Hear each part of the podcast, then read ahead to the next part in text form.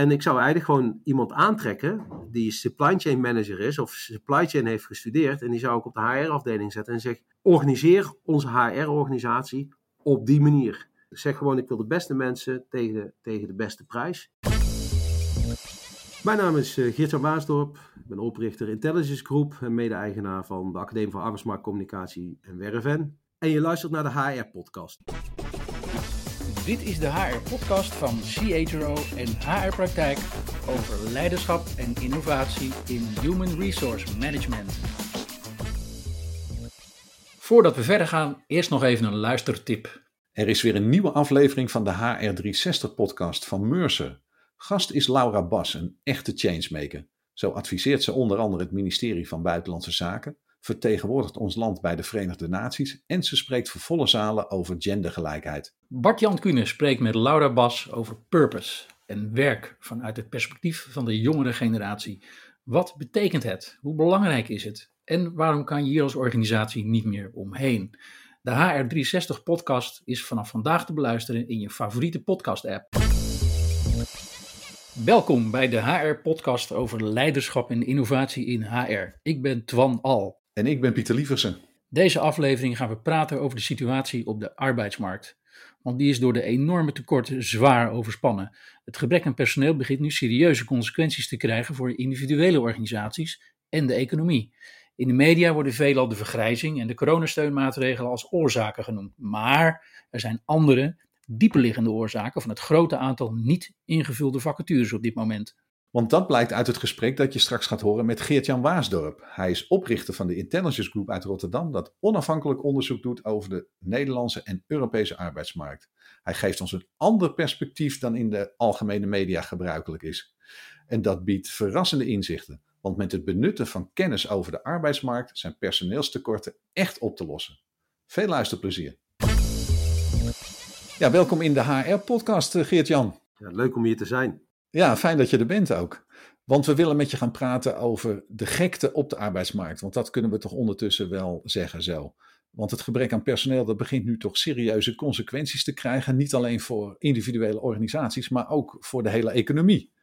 En we willen met jou graag bespreken hoe dat, dat nu komt, dat we in deze situatie zitten. Maar natuurlijk ook wat er aan te doen is.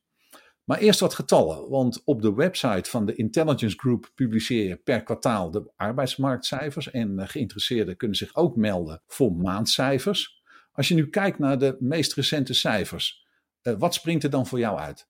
Nou, eigenlijk een uh, misschien wel belangrijkste kengetal is dat die arbeidsmarktactiviteit, dus het aantal mensen dat actief op zoek is naar een, naar een baan, gewoon historisch laag is. Het is niet meer op het laagste punt, dat hadden we ongeveer een half jaar geleden.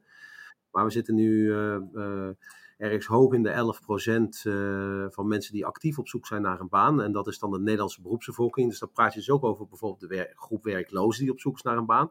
Als je dan daar verder inzoomt en je kijkt bijvoorbeeld naar mensen die nu werken, dan is zo'n kleine 8% actief op zoek naar een baan. En dan zeg je, nou dat is best veel, hè? maar dat is eigenlijk heel erg weinig. Op het moment dat dat een paar procentpunten meer is, hè, ik noem maar even 10% in plaats van 8%, dan verandert de totale dynamiek van die arbeidsmarkt. Dat zijn maar 2 procentpunten, maar het is een, eigenlijk een kwart meer beweging, zou je kunnen zeggen. En dat is smerenolie die, die voor heel veel meer dynamiek zorgt op die arbeidsmarkt. Dat cijfer is een hele, is een hele belangrijke, samen met bijvoorbeeld een cijfer wat je ziet als sourcingsdruk. En sourcingsdruk is een percentage wat zegt of mensen afgelopen kwartaal benaderd zijn door een werkgever of door een intermediair om daar te gaan werken. En dat, de, de sourcingsdruk is historisch hoog, eh, bijna 36 procent. Dat betekent dat 36 procent minimaal van alle Nederlanders minimaal één keer per kwartaal benaderd is voor een baan. En het feit dat we benaderd worden, als je nou bijvoorbeeld tien jaar geleden kijkt, dan werd niemand benaderd. Hè? Dat paste niet in de Nederlandse cultuur. Nou, nou wordt ruim een derde benaderd. Dat groeit. Dat geeft dus eigenlijk ook heel duidelijk een signaal over de, de strategie waarmee werkgevers en intermediairs die arbeidsmarkt uh, toetreden. Je kunt ook zeggen een beetje de wanhoop. Dus ze moeten heel erg actief op zoek zijn naar mensen. Uh, en dit geldt voor, nou ja, er zijn ook beroepsgroepen, nou ik noem maar even software engineers, dan ligt dat ver boven de 90 procent. Dus, uh, maar tegenwoordig hoveniers of groepen waar, waar een paar jaar geleden gewoon niet naar gezocht werd, daar zie je nu dat daar, daar intensief op gezocht wordt. En die mensen worden dan actief benaderd door uh, intermediairs of ook door gewoon andere werkgevers of ook misschien mensen uit de eigen omgeving? Ja, beide. Ja, dat, uh, uh, op het moment dat jij, kijk, als jij via via werft, hè, dus stelt van ik benader jou, dan weet ik niet zeker of dat echt gereflecteerd wordt in dat cijfer. ik heb het hier eerder ik denk dat het cijfer veel meer duidt een recruiter die jou benadert, een werkgever die jou benadert of een intermediair die jou, die jou benadert. En natuurlijk, intermediairs leven bij gratie van benaderen. Uh, maar werkgevers doen het steeds meer. Maar ook zelfs uh, organisaties waarvan je dat niet verwacht. Hè. Zorg, uh, onderwijs. en die, zijn, die bewegen zich inmiddels ook op dat, ja, in dat spectrum van actief sourcen en actief benaderen. En dan over die arbeidsmarktactiviteit nog even terug te komen. Je zegt die is nou bijna historisch laag. Hij is niet eh, op zijn allerlaagste punt, maar toch wel heel laag. Toch even de relatie leggen uh, met Amerika. Hè. Daar wordt nu wel gesproken over de Great Resignation. Hè, de, of de Big Quit. Hè. Mensen stappen uit het arbeidsproces of gaan totaal ander werk doen. Oftewel, er is daar volop beweging, als dat zo wordt aangeduid. In Nederland zitten we bijna op een historisch laag punt. Alle mensen blijven zitten, om het maar even zo te zeggen. Hoe komt dat dat dat in Nederland zo laag is? Ja, dat, dat, dat, dat heeft onder andere te maken met de sociale contracten die wij, uh, die wij hebben en de structuur op de arbeidsmarkt. In Amerika kun je ook vandaag opzeggen en morgen ergens anders beginnen. Maar je kunt ook vandaag ontslagen worden en morgen zonder baan uh, zijn. Dat gaat in Nederland niet. We hebben gewoon te maken met opzegtermijnen. We hebben te maken ook met zekerheden, sociale zekerheden die daarmee eh, samenhangen. Dus je ziet dat niet alleen in Europa, maar een groot deel van West, West-Europa, dat, dat die, die Great Resignation hier eigenlijk niet zijn weg vindt. en onder andere ingegeven door ja, de sociale structuur die tussen werkgevers en werknemers uh, bestaat. Waardoor dat uh, opportunistische gedrag, zowel bij werkgevers als bij werknemers, hier minder goed voorkomt. Dus dat zie je dan waarschijnlijk in de meeste Europese landen? Ja, de, de, de Great Resignation is ook een, en een marketing hype, laten we eerlijk zijn, maar ook typisch iets wat in Amerika uh, voorkomt. En je ziet ook wel dat de toonzetting daar een beetje van verandert inmiddels. Hè. Je hoorde, ik hoorde jou net al zeggen, de Big Quit, uh, de Big Reset. Dat zijn allemaal heel veel woorden die, die daar gebruikt worden. Um, de eerste echte onderbouwende theorie die we, uh, die we terugvinden in Amerika is dat eigenlijk werknemers een streep trekken en zeggen: zo, gaat het niet meer langer. Dus het uh, verschil tussen laag betaald en veel betaald is te groot. Werk rendeert minder. Mensen zien andere waarden terugkomen in hun leven. En in Amerika is dat misschien de eerste eye-opener. Die zeggen: joh, er is meer in het leven dan alleen werken. En dat soort redenaties zien we ook wel terugkomen in, in Nederland. Alleen kunnen we dat nog niet meten. En wat we hier bijvoorbeeld zien is dat we eh, bijna een soort minimalisme in arbeid krijgen. En wat ik daarmee bedoel is dat mensen twintig jaar geleden keken we van hoe hard kan ik werken om zo maximaal carrière te maken. Hè? Dus dat was hard werken en carrière maken lagen in elkaars verlengde. En was ook stoer om te zeggen dat je 60 uur werkte. Tegenwoordig is het andersom. Tegenwoordig kijken ze, wat moet ik minimaal werken om te kunnen leven? Hè? En ook te kunnen leven in een vorm waarin ik dat zou willen. Nou, bij, voor jongeren ja, die, ja, waarom zouden die heel hard werken? Want ze kunnen geen huis kopen. Er is perspectief. Hard werken loont niet meer. En hard werken om een huis te kopen of mee te doen aan de samenleving wordt steeds lastiger. Maar geldt dus eens aan de instroomkant van de markt zie je dat mensen minder uren willen maken en andere, andere afwegingen maken. Nou, dat, dat, dat zet dus opnieuw druk op het aanbodkant van de markt. Maar je ziet het ook met de ontwikkeling van FIRE. Dat is echt een internationale trend wat staat voor Financial Independent Retire Early. Dus eh, gewoon eerder stoppen met werken omdat je het financieel kan. Nou, de huizenprijzen en de stijging van huizenprijzen is nou ja, zo achterlijk hoog geweest. Ik zal nooit meer dat soort woorden gebruiken in de podcast, maar dit gaat natuurlijk eh, elke waanzin te boven. Waardoor dus mensen, er zijn tienduizenden mensen die uit Amsterdam bijvoorbeeld weg zijn getrokken en die een huis hebben verkocht of verhuren. En gewoon op basis van de overwaarde of de huurinkomsten op dit moment gewoon leven. En daarmee dus minder werken of, uh, uh, of gewoon geheel gestopt zijn met werk. En eigenlijk vervroegd met pensioen gaan. Nou, als je, daar praat je dus over tienduizenden mensen.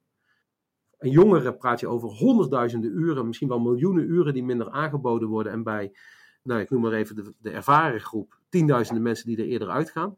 Nou ja, dan heb je dus substantieel minder aanbod. Dan ga je al met je, met je tiende van procentpunten. Ja, en dat levert frictie nu op op die arbeidsmarkt. En zie je eigenlijk ook nog verschillen tussen sectoren of laat ik maar zeggen soorten beroepen, de arbeidsmarktactiviteit, hè, want hij is nu historisch laag, maar dat is een gemiddelde. Is hij voor sommige beroepen of sommige sectoren misschien wel historisch hoog? Nee, nee, die heb ik niet. Uh, ja, door COVID kreeg je wel een andere dynamiek natuurlijk in de horeca, hè, waar, enorme fluctuaties plaatsvinden. Maar je kunt over de hele linie zeggen dat alles lager is. Maar je hebt altijd bepaalde sectoren en bepaalde beroepsgroepen waar dynamiek altijd hoger is. Maar dat is meer inherent aan de beroepsgroep zelf. Kijk maar naar callcentermedewerkers of kijk maar naar bijbanen. Of, daar is altijd een hogere dynamiek. Terwijl bijvoorbeeld in het onderwijs of in de, bij de Rijksoverheid de dynamiek eigenlijk altijd al veel te laag was. En dat is niet veranderd. Je kunt hooguit zeggen dat het over de hele linie verder gedaald is. Als je nou kijkt, uh, nee, laat ik het anders zeggen. Ondanks dat te veel werknemers nu blijven zitten, waar ze nu zitten, uh, zie je toch ook altijd dat er nog mensen zijn die wel degelijk van baan wisselen. Dat is ook nog wel een aanzienlijke groep. Waardoor gaan mensen momenteel op zoek naar een andere baan? En in hoeverre kunnen werkgevers dit voorkomen of daar invloed op hebben? Ja, ik ga daar antwoord op geven. Twan, ik vind het ook heel belangrijk om te vermelden dat uh, er ook heel veel mensen zijn, of een behoorlijke groep, die de stap maakt om ZZP'er te worden. Aha. Dus het, het, bewegen zelf, en dat zie je ook in Amerika, het bewegen zelf wil niet per definitie uh, van baan naar baan, maar kan ook van baan naar zelfstandig, uh, zelfstandige zijn. Dus da daarmee verlies je ook weer een bepaald, bepaalde stuk aanbod in, de, in die markt. Maar goed, maar dat verhoogt dus de druk op die arbeidsmarkt nog eens een keer. Ja, ja, want het aanbod neemt weg. Uh, of in ieder geval het aanbod als het gaat van mensen in loondienst neemt weg. En dat beweegt richting de flexschil. Nou, mensen bewegen op die arbeidsmarkt. Eigenlijk kun je gewoon rustig zeggen: de belangrijkste reden om weg te gaan is vaak de belangrijkste reden om voor een nieuwe baan te kiezen. Nou ja, dan kom ik bij een aantal dingen die ook al, zolang ik dit onderzoek doe, 25 jaar, niet echt veranderen. Hè. Dus werksfeer, salaris, nou zeker salaris. En dat werkt nu met de inflatie zeker nog harder mee. Uh, maar werksfeer, inhoud van het werk, uitdaging van het werk, uh, uh, goede financiële zekerheid. Even zeg maar even, alles wat al die jaren al zo was, is nu ook zo. Echter, het is vooral leuk om te zien wat, ja, wat er echt meer in op komt zetten. Nou, dan komt hij. Flexibel werken, thuiswerken, goed ingericht thuiswerkplek, meer vakantiedagen. Dus alles zeg maar om de work-life balance goed te organiseren en dan vooral richting live. Ik noem, speel ook een beetje met het concept uh, dat je bijna een soort werkgever als service bent. Hè? Jij bent een werknemer van mij en ik ga jou als werkgever ga ik jou servicen. Zijnde dat jij voor mij kan werken. Het is een beetje heel raar om zo te denken, maar ik moet eigenlijk heel veel dienstverlening aan jou gaan verlenen als werkgever, zodat jij voor mij kan werken. En dat praat over dienstverlening in, in, in, in werktijden, flexibiliteit, thuiswerk, thuiswerkplek, ICT-faciliteiten, parkeerplaatsen, keren dat je langskomt, goed, uh, lekkere broodjes. Dus er zijn eigenlijk een soort van totale serviceconcepten die je als werkgever moet aanbieden. Nou, dat bestaat nog niet echt, maar de cijfers zie je die kant in bewegen, dat dat wel iets is wat werknemers graag zien gebeuren. Ze willen eigenlijk ontzorgd worden als werknemer. Dus als werknemers die overstap maken, dan zijn dit die aspecten die ze nu met name proberen in de wacht te slepen bij een nieuw arbeidscontract. Zeker weten. Veel meer, ja, dit zijn, dit zijn naast werksfeer inhoud, hè, zijn dit waar wij ooit met elkaar spraken over de opkomst van de work-life balance. Er is veel meer hoe ga ik jou faciliteren in jouw life balance. En, maar dat kan ook betekenen zodat jij bijvoorbeeld, eh, als jij bijvoorbeeld mantelzorger bent, hoe ga ik als werkgever jou faciliteren zodat jij ook goede mantelzorger kan, kan zijn. Dus het, het, het schiet, het is geen work-life balance meer, het is eigenlijk meer hoe ga ik jou servicen in jouw, in jouw work, zodat jij jouw life goed kan doen. Ik, de, de, ik heb er nog geen woorden echt voor, omdat dit pas, die data zijn pas ja, zes maanden oud, negen maanden oud. Die, die bewegen een bepaalde richting en die ik ook nog onvoldoende goed kan duiden. Maar ze duiden naar deze kant. En dus van alle generaties. En dit is een nieuw verschijnsel in vergelijking tot voorgaande periodes waarin de arbeidsmarkt heel, heel krap was. Ja, en dit is een verschijnsel dat de afgelopen twee jaar extreem versneld is. Want als jij twee jaar geleden, voor COVID, was thuiswerken was een voorrecht. Hè? Dat was, als je dat kon aanbieden als werkgever, had je streepje voor. Sterker nog, dan als jij zou zeggen: nee, maar je mag ook altijd op een vaste dag thuiswerken. Nou, dan, dan had je het echt goed geregeld. Dat was een privilege. Nou, dat is vandaag geen privilege meer. Dat is gewoon een verworven recht. Waarin je zegt: ik werk twee dagen thuis en, en ook nog op vaste dagen. Uh, dus En dat is zelfs nog een stukje verder gegaan, waarin je als werkgever ook moet servicen dat de plek waar men werkt, dat dat ergonomisch verantwoord is. Maar ook dat je veel meer luistert en, en begrip hebt voor het feit dat als mensen nu thuis zijn, dat ze dus ook andere dingen doen vanwege zorg of zorg voor de kinderen, zorg voor ouders of anderszins voor de buren, dat je daar ook rekening mee houdt. En daar heb ik nog geen woorden voor, maar dat is wel iets wat ik doorvertalen uit de cijfers. Ja. Maar dat is ook in het voordeel van de werkgever. Want als de werkgever natuurlijk meer faciliteiten biedt voor remote werken, betekent natuurlijk ook dat hij zijn wervingspool kan verleggen. Niet alleen meer in een bepaalde cirkel rondom de vestigingsplaats, maar eigenlijk ook veel verder weg. Maar is dat nu ook iets wat jij terugziet dat daadwerkelijk gebeurt? Wordt er ook verder geworven? Nou, ik, ik, vind ik vind je voorbeeld perfect. Perfect aansluiten bij, ook bij de nieuwe geest en bij wervingskansen. Uh, maar alle structuren bij werkgevers, die proberen het terug te gaan naar de situatie van voor COVID. Kantoor, dicht bij huis werven. En, eh, dat zijn niet alleen, zijn niet zozeer werkgevers of leidinggevenden, maar het zijn ook eh, vakbonden, OR's. Er, zijn nieuwe richtlijnen en we, we, we weten nog niet zo goed hoe we daarmee om moeten gaan. Uh, ik, denk, ik denk dat deze frictie zorgt voor beweging en we hebben een paar grote leiders nodig die daar een verhaal over vertellen. Maar de grap was, die leiders waren vroeger, ik noem maar wat, een Google of een, of een EY of een Deloitte. Hè, die vertelden, en zo doen we het. Maar het zijn deze grote leiders die eigenlijk angstvallig terug willen dat mensen naar kantoor komen. Daar zit volgens mij iets bij wat, wat ik ze niet hoor zeggen. En dat is, heeft alles te maken met productiviteitsverlies. Ik denk toch dat er sprake is van deze partijen hebben hun HR analytics vaak goed op orde. Hè, daar lopen, gaan ze prat op. En ze zeggen het niet, maar ik denk dat ze serieuze productiviteitsverliezen constateren bij die groep die thuiswerken. Of, en je kunt ook zeggen synergieverlies of van allerlei. Maar er is, er is verlies, waardoor ze eigenlijk in een reflex schieten van, ja, kom dan maar terug. Ja, want wat zou daar de verklaring voor zijn? Je, je, je noemde net al synergieverlies. Nou ja, je kan puur praten eventjes vanuit een heel klein bedrijf als Intelligence Group, maar ook uh, Werf en de Academie voor Arbeidsmarktcommunicatie, waar ik natuurlijk zelf de scepter zwaai sommige problemen los je als je bij elkaar bent veel makkelijker op. Hè? En soms in een half uur of een uur hebben wij, lossen wij problemen op als we elkaar zien.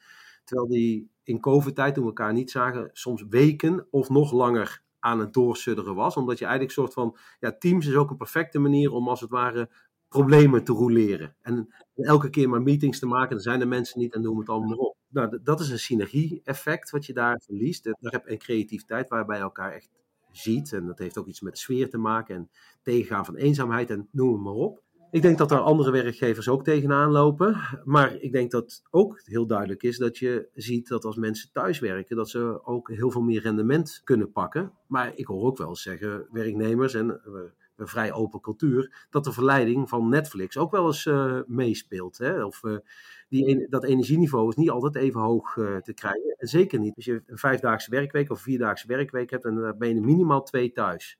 Probeer maar eens, zes, als je zes, acht effectieve uren maakt op een dag, nou, dan heb je veel werk verzet. Veel meer dan op kantoor. Daar zit ergens een, het zoeken naar een nieuwe, nieuw evenwicht, een nieuw balans. Ik heb daar geen antwoord bij, maar ik denk dat deze werkgevers dat ook constateren. Daar daar is dus sprake van bepaalde verliezen. Zijn daar al data over? Nee. Dat zou natuurlijk heel interessant zijn, hè? Want, want wat jij nu noemt, dat, dat, dat zweeft nu boven de markt. Terwijl je nog niet precies de vinger erachter kunt krijgen. Terwijl nu al hebben werknemersorganisaties, die hebben het al bijna over een soort van verworven recht om thuis te kunnen werken. Terwijl werkgevers hoor ik ook zeggen van ja, maar we weten eigenlijk nog helemaal niet hoe het in de praktijk uitpakt. En jij geeft er nu een voorbeeld van. Nou, Ton, toen we net in COVID zaten, toen in de eerste drie tot zes maanden struikelde alle bedrijven over elkaar heen om te vertellen hoe goed het was voor de productiviteit. Dus die productiviteit ging omhoog. Daar is alles over geconstateerd. Daar waren ook andere theorieën over. Hè. Dus bijvoorbeeld, uh, je moest gewoon. De, het creatieve proces was al voorbij, dus je moest gewoon werk uh, afmaken. En het veranderen van werkomgevingen, ook fysiek op kantoor, is ook productiviteitsverhogend. Wat mij is opgevallen is dat daarna, de, die anderhalf jaar die daarna zijn gekomen, je die geluiden niet meer hebt gehoord. Dus dat was voor mij signaal 1. Signaal 2 was de bedrijven die hun workforce analytics en HR analytics zo goed op orde hebben, die productiviteit doormeten, dat die eigenlijk zeggen: kom jij maar terug naar kantoor. Sterker nog, als jij thuis werkt, gaan we jou korten op jouw loon. Nou, dat is natuurlijk, dat staat haaks op die eerste gedachte. Ja. En ik denk persoonlijk, dit is pure eigen interpretatie. Dus dit is puur speculatie, noem ik het maar. Maar het feit dat in de eerste half jaar zo allemaal over elkaar heen struikelden met productiviteitswinst en daarna werd het stil, is voor mij een signaal dat er sprake is van productiviteitsverlies en dat die bedrijven die dit altijd goed meten hun mensen terughalen naar kantoor. Met alle reputatieschade van dien en zelfs dat zij daarvoor kiezen, terwijl dit echt vooruitstrevende werkgevers waren, is Mhm. voor mij ook een indirect signaal dat er sprake is van productiviteitsverlies. Ik denk alleen dat geen enkele werkgever naar buiten wil komen en zeggen: jongens, ja, er sprake van productiviteitsverlies. Dat is toch eigenlijk ook wel een bevet van onvermogen. Maar dit heeft ook consequenties voor de arbeidsmarkt. Want de voordelen van het hybride werken voor de werknemers, die nemen nu een enorme vlucht. Ik denk ook dat, eh, eh, dat er een balans moet zijn. Ik weet dat er ook in deze podcast luisteren ook veel eh, mensen die voor de overheid werken. Ik zie het daar echt doorgeslagen. Het thuiswerken en, en het productiviteitsverlies die daar plaatsvindt, is gigantisch. Het feit dat we in sommige sectoren bepaalde diensten niet meer kunnen leveren of dat er vertragingen plaatsvinden, dat wordt heel makkelijk gezegd dat heeft te maken met de arbeidsmarkt en personeelstekort en, en de supply chain. Ik ga jou verklappen, dat heeft ook te maken met productiviteitsverlies. En een hele makkelijke redenatie die je daarin mee kan nemen is als volgt. Nog nooit hebben zoveel mensen gewerkt in Nederland. En het bruto binnenlands product is maar een heel klein beetje groter op dit moment dan voor COVID. En dat is inclusief de correcties eh, met inflatie. Als je die door elkaar heen deelt, betekent feitelijk dat dat alleen maar kan als de productiviteit omlaag is gegaan.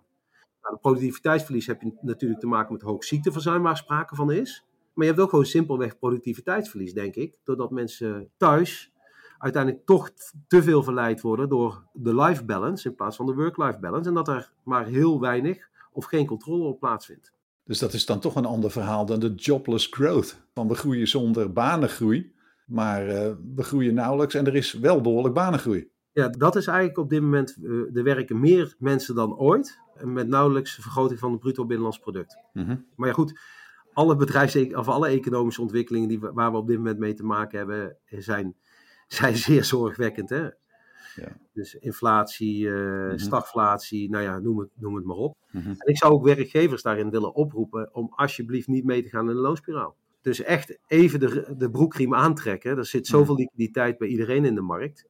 Uh, ga alsjeblieft niet mee met, uh, door de inflatie uh, te corrigeren in de salarissen. Want dat is echt, dat is niet tof. Maar is dat toch niet het logische gevolg van de huidige markt? En misschien dan niet om de inflatie te compenseren, maar wel natuurlijk om het marktmechanisme van vraag en aanbod om daarop in te spelen. Want als de vraag naar arbeid hoog is en het aanbod is laag, dan heeft dat in de economie normaal gesproken een effect op de prijs. Oftewel, dat heeft al een stuwend gevolg voor de lonen, zou je zeggen. Ja, dat, dat, dat zou je zeggen, uh, maar eigenlijk zijn cao's die wij in Nederland hebben ook bepaalde reguleringen die marktwerking tegengaan. Kijk maar, de meest schaarse en de belangrijkste beroepen die we in Nederland hebben, zorg, onderwijs, zijn, slechts, bij zijn nagenoeg slechts betaald. Politie. En, en la, laten we wel wezen, mensen die bij de banken werken, dan noem ik gemiddeld genomen niet het meest bedrijfskritische proces wat we hebben, anders zou ik ze niet willen missen, zitten daar weer ruim boven. Kijk eens naar IT'ers, of met name naar technici, naar loodgieters, naar timmermannen. zit op 50, 60 euro per uur. Terwijl een interim HR-medewerker zit op 85, 90 euro per uur. De uurtarieven reflecteren, en dan praat ik over de tarief van ZZP'ers in dit geval. Hè. Uurtarieven reflecteren krapte en schaarste helemaal niet, omdat we geen goede marktwerking, eigenlijk geen marktwerking hebben in, in Nederland. Er is geen sprake van een goed functionerend prijsmechanisme op de, op de arbeidsmarkt. Ik ben 47, is er nooit geweest. Maar zal dan toch niet de wal het schip gaan keren? Ja, zeker weten. Gaat gebeuren. Ik ben heel nieuwsgierig wat de wal wordt en wie het schip is. Nou, Schiphol, nou we hadden het al even. Schiphol was zo'n schip dat op een wal klapte. Waar iedereen ontzet over is. Als we inderdaad een nieuwe stroom COVID krijgen en moeten dichtgaan, omdat er gewoon in de zorg dan dadelijk echt niets meer kan, dat is er ook zo'n frictiemoment. Dat zullen denk ik toch steeds minder mensen gaan accepteren.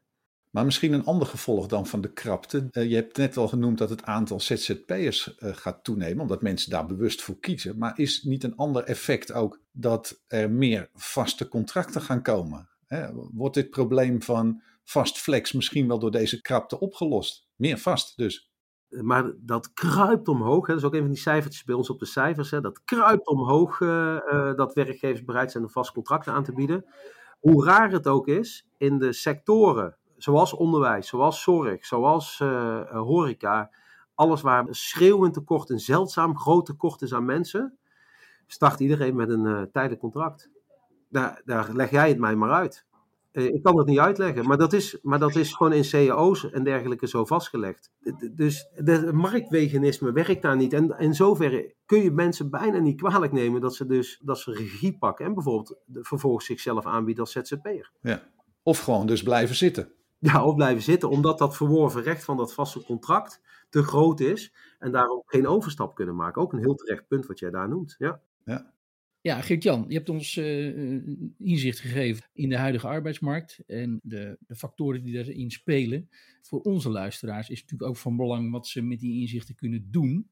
Uh, hoe kunnen HR-afdelingen nu het beste omgaan met die huidige krapte? Heb je daar tips voor? Waar moet het zwaartepunt van de aandacht nu liggen? Ja, dat is een hele goede, dat is een hele goede vraag. Laat ik hem als volgt beantwoorden. Als ik HR-directeur zou zijn of op een HR-afdeling zou zitten, als ik daar zou zitten, zou ik zeggen: hoe moet mijn afdeling er in 2025 uitzien? Dat zou ik vragen, hè? dus over drie jaar. Hoe moet die er winnend uit, uitzien? En ik zou dat punt wat ik nu met mijn afdeling zou omschrijven, zou ik per direct implementeren. En dan praat ik over hele simpele dingen waarvan ik zeker weet dat de arbeidsmarkt in 2025 op die manier functioneert. Hybride. dus veel, heel veel flexibel, hybride, met een, met een goede balans tussen thuiswerken en op kantoor werken.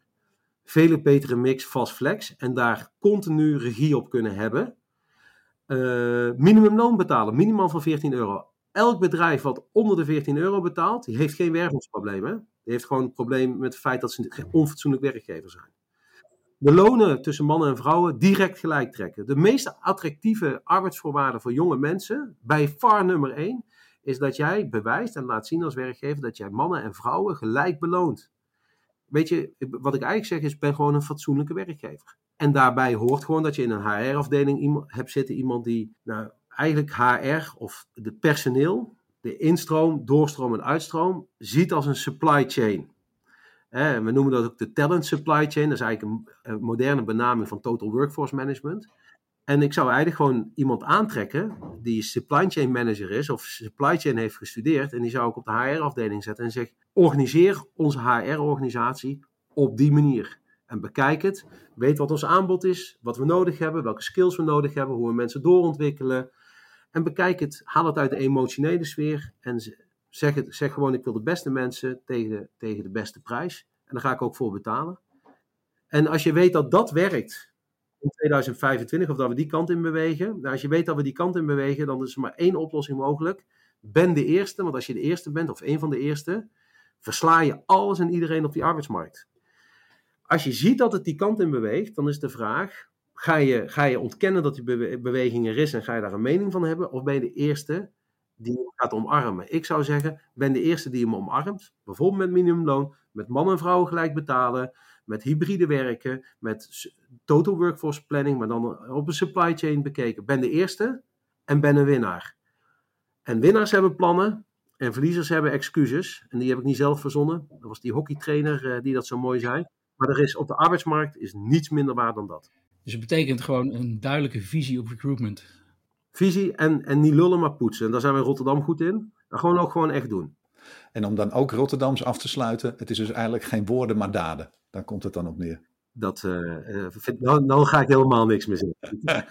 okay. Nou, Geert-Jan, ontzettend bedankt dat jij te gast wilde zijn in de HR-podcast. En dat je je inzichten over de toch wel uitzonderlijke arbeidsmarkt met ons hebt willen delen. Bedankt daarvoor. Ja, bedankt voor je bijdrage, Geert-Jan. Ja, eens gelijk, graag gedaan. En dit is weer het einde van de HR-podcast. Vond je dit een leuke aflevering? Geef dan je 5-sterren review in Apple Podcast of je beoordeling in Spotify. Heb je suggesties voor een volgende gast voor de HR-podcast? Laat het ons weten via redactie.hrpodcast.nl. Bedankt voor het luisteren en tot de volgende HR-podcast.